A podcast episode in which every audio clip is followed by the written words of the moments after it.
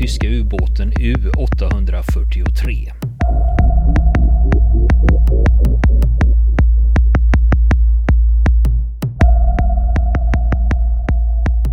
Och då är det dags att fortsätta berätta historien om U843.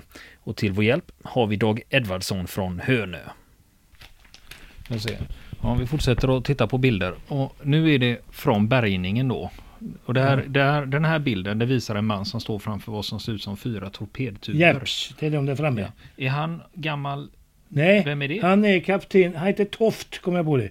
Han, han var kapten på, på den här båten eh, nu, eh, Vegafjord. Och han var med och lössa och greja och hade en då. Mm. Så han var käppare om vi säger så på den båten va. Ja, Han heter Toft. just det. Här ser man ju hur otroligt smutsigt det är inne Ja. i... Det är lera alltihop vet du. Och det kommer ju så, det blir ju så många, det blir ju så många krabbor här vet du Sina va.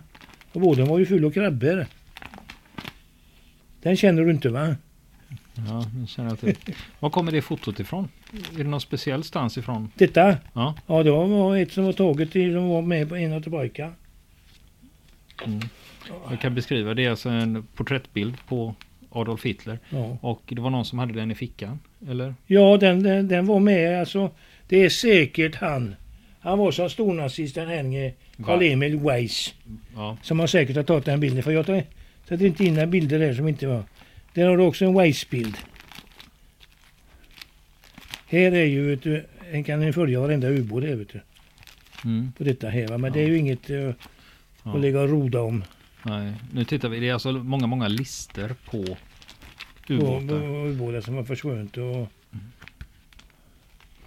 här har vi mera bilder inifrån ubåten. Ja, just det. Det var inte denna jag tänkte på. Då, då tar vi nästa. Tar vi nästa ja.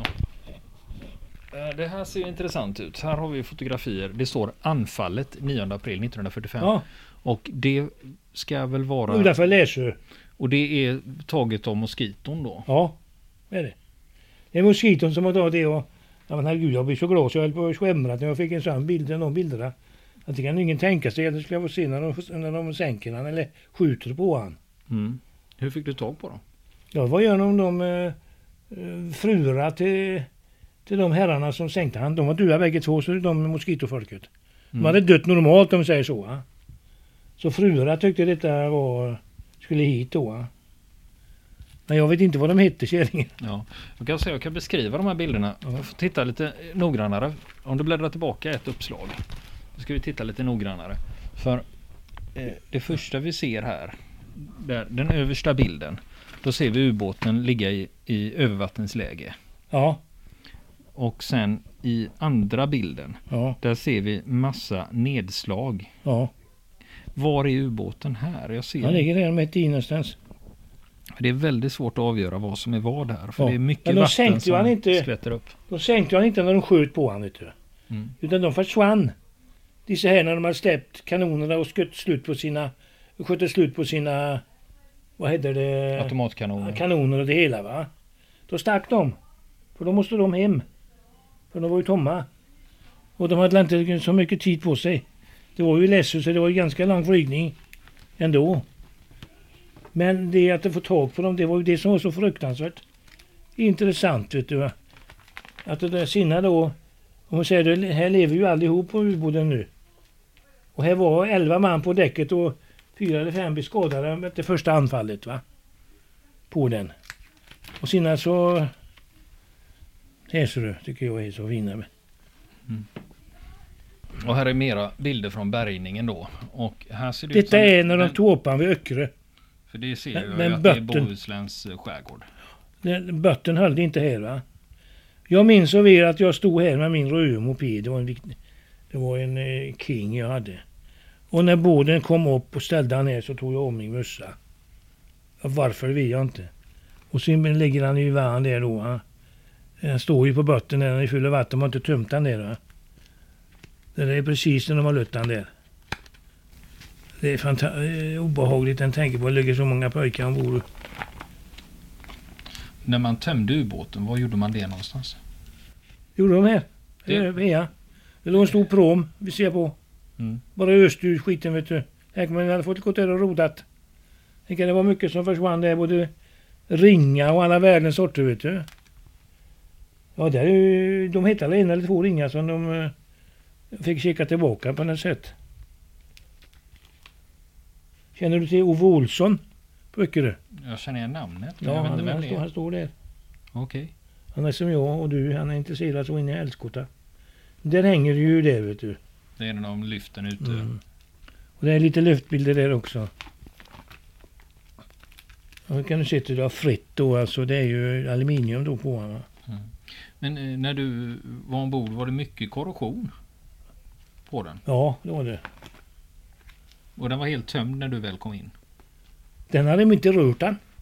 Han var precis slut. När jag kom ombord på han. Så allting låg kvar? Precis varenda sak. Inklusive personen? Jajamän. Så jag gick ju upp en bit i tornet här. Och tittade ner och då låg ju klädkrossar efter, efter han eh, Henrys Hillebrant. Och det var den som robbade ner mig direkt. Vet du. Jag blev så rädd så jag höll på att dö. Men eh, det talade jag om för hövding. Ja, sa han. Det, det var så, så att alla försökte ju på sina... Och här är ju då inte de intressanta bilderna igen och säger så. Här är akter om det som man- den här stod. Den här... Eh, Vintergatan? Eh, Ja, Vintergatan ja. Där är den hjälmen som är på museet. Mm, en tysk Wehrmacht. Ja. Och där ser du riktigt då eh, eh, Vintergatan har gått sönder här va, när de har bombat den. Mm. Så det har ju släppt ran. Och du ser också luckorna, hur fulla av skit de är. ja. Men de är ju förhållandevis intakta ändå. Allting var intakt. Så att det, ser ju inte, det är ju inte förstört av korrosion Nej, som det kan vara på äldre vrak. Nej, nej, Det nej. var nej. ju 13 Det var bara aluminium och sådana... Eh, så detta var inte så... Jag tror att hade kunnat blåst rena och fått fram motorer och alltihopa. Men de sket ju i den båten på det sättet. va. När de kunde göra ordning denne båten som, som de tog upp så mycket senare, vet du. Anholt. För då ringde jag hövding och frågade hur tror du att han ser ut? Han är lika fin som U843, sa han. Han har legat där, där jag. Det var han. Det var bara det att eh, tornet på den båten, yttertornet var borta. Så du såg, du såg alltså det här dyktornet under då, va? på den båten. Hur mycket senare var det man plockade upp den vid Anholt? Herregud, ja, det var ju på 80-talet. Och, och den står på museum nu, idag eller? Den har blivit ett museum, ja, Och, i Liverpool. så, det är den som ligger i Liverpool. Så Ja. om man vill åka och titta på den så... Den är, del, den är sågad i tre delar. Ja, och den, men är det samma modell? Som, Ja, det är samma båt. Han gick också på samma södra djup. Det var Mm. nämligen så här. Nu kommer vi fram till en grej igen. M293 som jag nämnde för dig idag. Minsveparen. minsveparen hade den ubåten och en till under sig när de skulle gå till Norge. Som eskort då. Som eskort ja. Och så sänktes den. eh, När han gick upp där vid Anholt där och då sänkte de den där. Plus att en flygmaskin gick också åt. En engelsman. Och där hittade de också nu när de var nere och tittade efter den ubåten då. Den fick de inte röra. För där låg besättningar kvar. På den flygmaskinen. Annars hade de fått upp en flygmaskin. Flygmaskin också. Så det är väldigt mycket som man får... Mm. Och här ser du typen då här. eh, Där stod ju en kanon där på den vet du. Mm. Så han var ju väldigt... In... Allt det tredäcket och det var ju borta på han här. Det ser du här va. Ligger det mycket vrak av den här typen här utanför? Eller har man koll på det mesta? Ja, de har koll på det mesta. Det har de väl, men... eh, Nu får de ju inte, nu får de inte röra dem det är så. Och nu är det inget att greja med heller. Så. Det finns inget kvar i dem eller någonting. eh, Det finns inga med värdefull last och sen där du Oskar. Vad hette han sa du? Oskar Edvards. Det är kaptenen. Där har du han. Men eh, Som som, ung. ung ja. För det här är väl under kriget då? Ja, det, nej, nej, det är han. är- Titta på bilderna här. 58. Alltså det är fem, 1958 för det Ja. var hade svårt att avgöra. För han var civilklädd. För jag Ja, hade och för så mig vill att det han inte lätt att vidda. Nej för han hade ju uniform på sig i samband med begravningen. Ja, ja, ja. Kommer den bilden igen. Där ska du se. Mm. Ja, vi bläddrar tillbaka. Vad, vad, vad, vad är det för något? Ja, det är grejer. De har bört ut båden. Lagt det bara. Jag vet inte vad det kan vara för någonting. Det, det har jag aldrig fått. Det är inga döingar i alla fall, det vet jag. Nej. Det hela var säcken och lagt den till säcker. Mm. Och den är ju den igen. Här ser du. Där de lutter den. Där kommer han där vet du. Bobblar de som fåglarna. Och där är han uppe. Har varit uppe ett tag. Och det ska finnas här. De här bilderna är ju väldigt närgångna så att säga. Va? I Södra Lucka är det som vi har på museet. Mm. Och det är ju däcket. I Ja. det här... eh, eh, Det är ju trädäck här i vanliga fall vet du. Mm. På dem va. Du ser, du ser där va. Just det. Och under här låg all rågummit. Och det har de, det, det ser du rågummi. Ja, de plockar upp, det är balar. Ja det är bollar alltihopa. De är ungefär... tänker det, rågummit kom ju så va. Mm. När det, när det, när det rann ur va. Ja. För de här balarna de är ungefär 40 gånger 40 centimeter. Ja. Sen har jag ju tagit lite sådana här inga blåa bilder. Det är bara för att jag skulle ha med mig detta till Tyskland. Va? Det är mest eh, lite text då om du säger så. Mm. Vilket djup låg den på? Eh, 58 meter. Ja, det är inte mycket. Inte någonting. Har de ställt han så så har han varit 20 centimeter då vattenyta. Samma med ulven vet du. Han låg på 52 meter och då hade rompen också varit uppe på den. Han var 50, drygt, drygt 50 Mm. meter. Det går ju till och med att göra en nöduppstigning. Jajamän. Jajamän. Men det är, Här har vi från eh, Göteborgstidningen. Eh, ja, vi är med i nazistbåten och det är så, Det börjar ju så. Här har jag suttit och skrivit själv. du, Besättning, Skiberg, hela allt det där vet du. mm. Det är hela listan Ja, på... vad de dör ja. 23, det var det när de är födda. Ja. 12 ska vi se om det var han, men jag tänkte rätt. ja. Arzt, Läkaren, ja. Arzt står det. ja Erwin Kane. Erwin Keen. K-I-E-N. Just det. Och det stod Arzt. Det är ju läkare då. Ja. Han var född 12, ja. Mm. ja för, ska vi se, de sa att han skulle vara äldst. eh, Läkaren. Nej, inte läkaren, utan det är uh, Hildebrandt. Nu ska vi se om han var maskinchef. De står ju i... Eh, där är Hillebrandt. Han är född eh, 1913. 13, ja, då var han äldre. Ja, läkaren var Läkaren var äldre. Kanske att de gick ut också. Jag har aldrig hört förut att de haft läkare, men inte varit in på dem så. Mm. Men du, här har vi ju, du, i och med att du har, här har vi hela listan. Då kan vi faktiskt, vi diskuterar ju antalet va. Vi kan Ja. väl göra en snabbräkning här då. En, två, eh, en, två, tre, fyra, fem, sex, sju, åtta, nio, tio, elva, tolv, tretton, fjorton, femton, sexton, sjutton, arton, nitton, tjugo, tjugoen, tjugotvå, tjugotre, tjugofyra, tjugofem, tjugosex, tjugosju. 28, 29, 30, 31, 32, 33, 34, 35, 36, 37, 38, 39, 40. 40 man, ja. 40 man precis Alla då. är med där, även de åtta som saknas. Ja, så mm, Ja. ja. Och så överlevande Oskar då, det. Martin Günther. ja. Och om vi tittar på listan på omkomna då, då har vi också Weiss, eh, krigskorrespondenten. Ja, ja, just det. Just det, Carl Emil Weiss, ja. just det. Och sen har du de överlevande då. Ja. Eh, det var Herberts. Han hette Günther Martin, inte Martin Günther. Det ska jag reda på. Okej, Han som hade långesot. ja. Han var ju aldrig med där vet du. Mm. Och det är han Störsnickel som är... Och Alfred Berger ja. Och Fredrik William. Det var en av dem jag ringde och han hade precis dött vet du. Det kändes så taskigt vet du. Ja, men det, hur sa ju det var inget märkligt. Jag Nej. tyckte det var... eh, Men de dog i ålder va? Han ålderstod ja. Så att... Och här har vi då tidningsklipp från eh, Ja, jordfästningen är mycket som helst vet du. 58. Skrifter och... Nej, vill, eh, om vi går tillbaka så vi kan vi se här. För det, jag tycker, jag har aldrig sett, eh, alla bilder jag har sett det är liksom delar av graven och gravsättningen. Jag har aldrig Ja. sett hela. Nej, Eh, är så stor. Det var hel- så st- stort vet du. Så Ja, men det måste ju varit uppåt eh, 30 man som skulle begravas där då. ja. Det, det borde Men det är det att det, vänta, det, var, det var ju bara skelett vet du.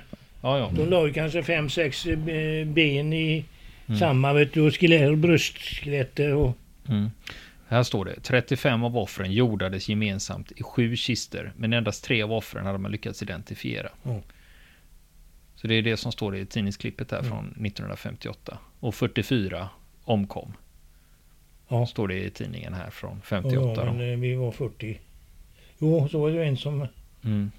Men du, här har vi också listan för vilka som var här. Det var herr Entler, han var representant för tyska Folksbunds krigsgräverförsorge. Det är ju grav, krigsgravsomsorgen då. Och eh, herr F. Brinkman representerade tyska stiftelsen. Herr Kuhn, tyska klubben. Else Lundqvist. Vad sa du? tyska R? dam- Herr E. Kuhn. Erich Kuhn. Erich Kuhn. Ja, han som hade varit på den M293 och klarade sig. Okej. Han gick in i det här så det var med i det här. Ja, Det har jag inte tänkt på för ja, vad bra att du lyssnade. just det. Här har vi också andra personer. Generalkonsul B. Meyer Bergbot. Ja, det måste vara den gubben då. Han var representant. Han var generalkonsul Ja. för eh, Förbundsrepubliken Tyskland. Det är Västtyskland då. Mhm. Korvettkapten Herwartz för tyska försvarsministeriet. Och direktör Osvald för Svenska kyrkan och Webel Wilhelm som också talade för de överlevande. Och Wilhelm han var ju med på listan över överlevande då. Ja, ja. Och korvettkaptenen Herwartz.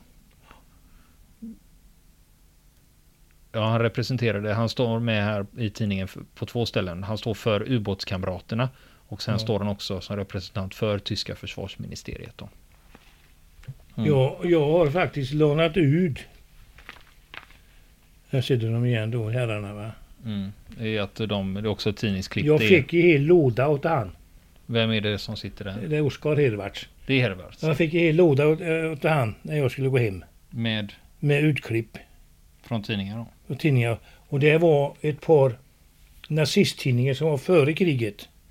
Och på den ena tidningen var det den nya texten, nya, nya... Hon kunde inte läsa det engelska. Men min syr, syster kan läsa det, sa hon. Är det sån frakturstil? Ja, den där eh, som var så... Ja, just det. Jag tror det är det så. Och eh, hon fick låna det till mig. Och, för hon är här ibland och tittar på mina grejer här. Va? Och hon, och, eh, hon är ju då, flydde ju från Tyskland och hit. Innan kriget bröt ut och är så fruktansvärt intresserad. Och det är väldigt bra för mig för jag kan få henne till hjälp åt en- henne med vissa grejer. Men det var inget för oss egentligen.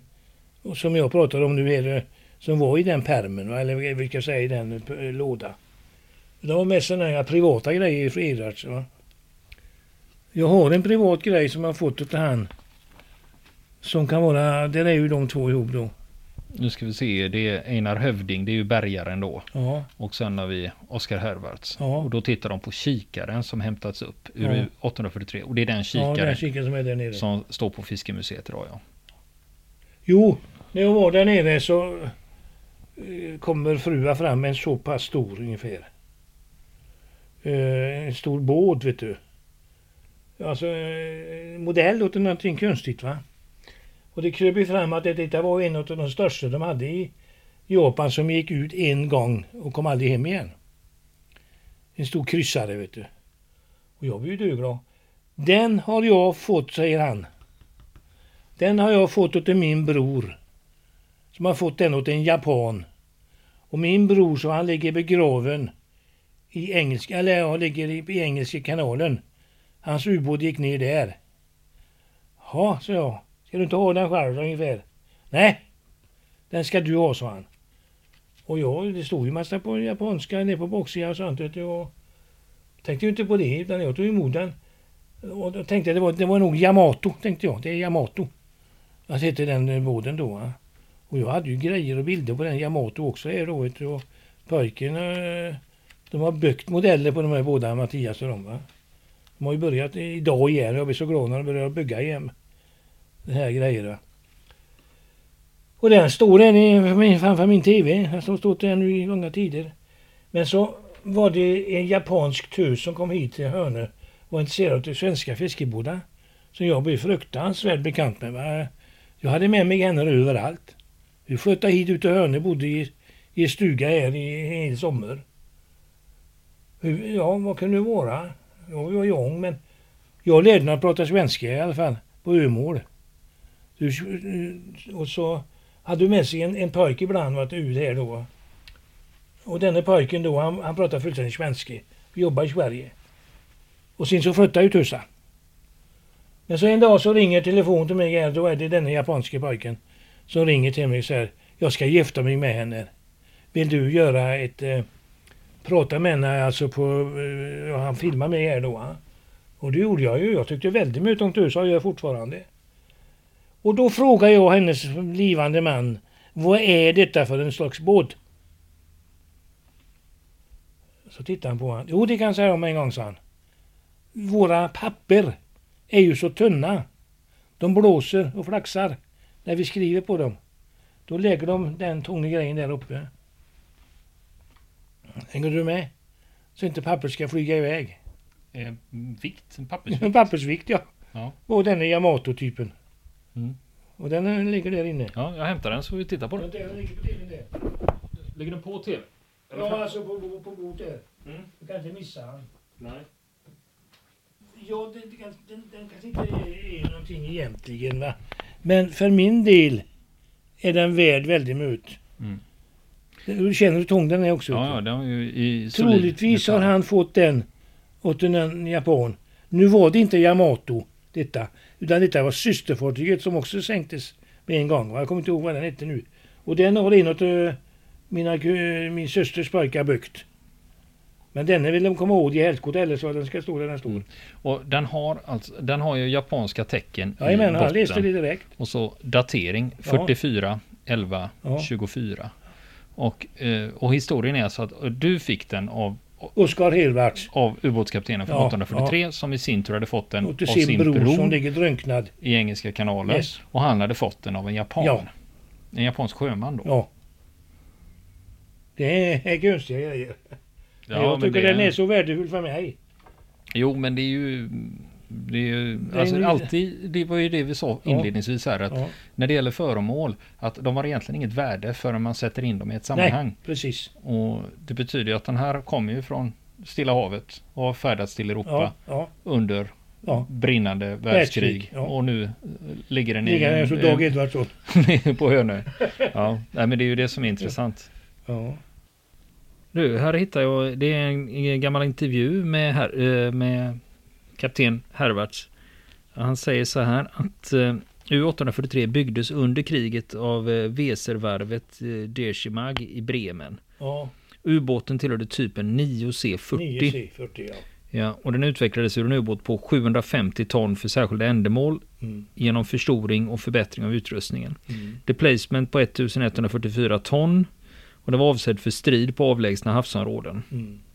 Man har använt den här typen i Karibiska sjön, Mexikanska golfen, Mellan och Sydatlanten och även Indiska oceanen. Mm. Han fick den av varvet i slutet av mars 1943. 43 kan vi kan- kanske säga. Just det. Och de första planmässiga proven och utbildnings... Vad ska vi se här? Men det har tagit sin tid vet du, då, innan Ja. har kommit ut med han. Mm. Precis. 43, det är inte så. Då Mm. var ju båden ny då. Ja, 43 i alla fall. ja. Ja, det är väl inte dåligt det. De kom igång 44. Den löpte ut i krigstjänst från Drontheim. Och den skulle bege sig till det nordatlantiska operationsområdet där det rasade en förbittrad och för ubåtarna förlustrik kamp om herraväldet till sjöss. Mm. Besättningen som mest bestod av oerfarna unga människor fick inte någon livligare kontakt med de väl skyddade konvojerna utan när U843 av säkerhetsskäl fick gömma sig för jagare och flyg. Efter tio veckors högsjötjänst inlöpte ubåten ubåtsbasen Lorient i Frankrike och utrustades för ett specialuppdrag. Mm. Och i början av 1944 inleddes denna resa med utlöpandet till Lorient och genomkorsandet av Biscaya i sydvästlig riktning. Enligt order skulle U843 inte ta några risker. Nattetid gick ubåten i uppladdningsmarsch på ytan om dagarna under vattnet, kursen söderut. Två gånger påträffade ubåten utanför spärrområdet neutrala fartyg, en spanjor och en portugis. Fartygen stoppades och visiterades. Portugisen hade en engelsman ombord. Av säkerhetsskäl togs han med på U843s fortsatta resa. Han var kabelingenjör och kom från Kap Verde-öarna. Han var vid tillfället på väg hem till England. Omkring 14 dagar senare överlämnades han till en annan tysk ubåt av ännu större typ, US-41. Nej, U541. Mm. Gud vad mycket detaljer. Ja. U843 fortsatte sin färd mot södern. Uppgiften var att föra ubåtskrig utanför Indiens kuster. Ubåten gick därför försiktigt fram och mötte i Mellanatlanten ännu en hemvändande ubåt som överlämnade ytterligare drivmedel och dessutom en modern radiostation för fjärrtrafik. På påskafton 1944 siktades i höjd med Sankt Helena det amerikanska kylfartyget Nebraska som dök upp över horisonten i morgongryningen akter om U843. Det här fartyget sänktes och dess besättning kunde innan Nebraska sjönk sätta sig i livbåtarna och avsegla i riktning mot Sankta Helena. Nästan omedelbart blev dock U-843 drabbad av hämnden. Tredje dagen efter sänkningen upptäcktes ubåten av flygplan som sänds ut från Sankta Helena. Flygplanet kastade 12 bomber av vilka den första och sista exploderade så nära att stora skador uppstod. Visserligen kunde U-843 undandra sig ytterligare angrepp, men besättningen kunde trots veckolånga ansträngningar inte få ubåten i krigsdugligt skick. En färd till Indien skulle därmed inte ge några resultat. Hervarts beslöt därför att gå till Jakarta, japansk bas i Indonesien, för att reparera skadorna. Meningen var att U-843 sen skulle återuppta den planerade färden till Indiens kuster, men annat kom emellan. Reparationerna tog totalt ett, halv, ett halvt år i anspråk. De låg alltså där nere ett, ett halvt år. Och så fick han ju order, ändra order då. Mm. Under tiden hade de allierade blockad. Den hade blivit så effektiv att övervattensfartyg inte längre kunde nå det av Tyskland behärskade området. Man satte därför in ubåtar som transportfartyg. U-843 och några andra ubåtar fick sådana uppdrag istället för att föra ubåtskrig. Fullastad med tenn, molybden, volfram, koffein, opium och gummi från Singapore lämnade ubåten Jakarta 10 december för den långa resan hem. På julafton 1944 befann sig den något söder om Kokosöarna där en tysk förrådsubåt överlämnade drivmedel för resten av resan. Först 2 april 45 kom U-843 till Bergen i Norge och därifrån fortsatte resan efter några dagar till Kiel. Resan som slutade utanför Läsö, där ubåten sjönk på 52 meters djup med 44 man ombord. Mm. Och Hervarts då, han var i Flensburg vid krigsslutet. Och efter en kortare internering började han ett civilt liv som murarlärare i Hildesheim och var i fortsättningen verksam inom byggnadsbranschen. Mm. Han var alltså inte inom flottan då? Han blev det. Han blev det sen då? Mm. När de hade gjort ja. en ny flotta så att säga. Ja, i Västtyskland. Ja, det, var som han, han hade uniformen på sig där vet du. Men du, här kommer det. Nu kommer det. Sen 1957 tillhör han den nya västtyska marinen med korvettkaptens grad och tjänstgöring vid försvarsstaben i Bonn. Han är född 1915, son till en tjänsteman, tog studenten i Zittau, kom in i tyska marinen 35 och tjänstgjorde först på linjeskeppet Schlesien. Vid flygvapnets skola i Parov utbildades han till flygobservatör och var 1939 till 40 lärare där. Mm. År 1942 kom han på nytt till marinen och genomgick ubåtsutbildning. Under kaptenlöjtnant Müller gick han som första officer på U67 under operationer vid Trinidad och erhöll sedan sin kommendantutbildning. Det är inte så galet det, det som jag har sagt ändå. Nej men, nej, men det stämmer ju. Stämmer ju mm. rätt bra. Ja. Det är bra att du läste det här för nu. Mm. ska jag använda det. Ja. Läsa igenom det för, då, ja, för där har vi hela, du... hela historien. Vill ni komma i kontakt med oss så kan ni göra det via vår Facebook-sida som heter Fronten. Det är inga problem för er att leta er fram där. Eller också så mejlar ni på vår mejladress och det är frontenpodcast@gmail.com.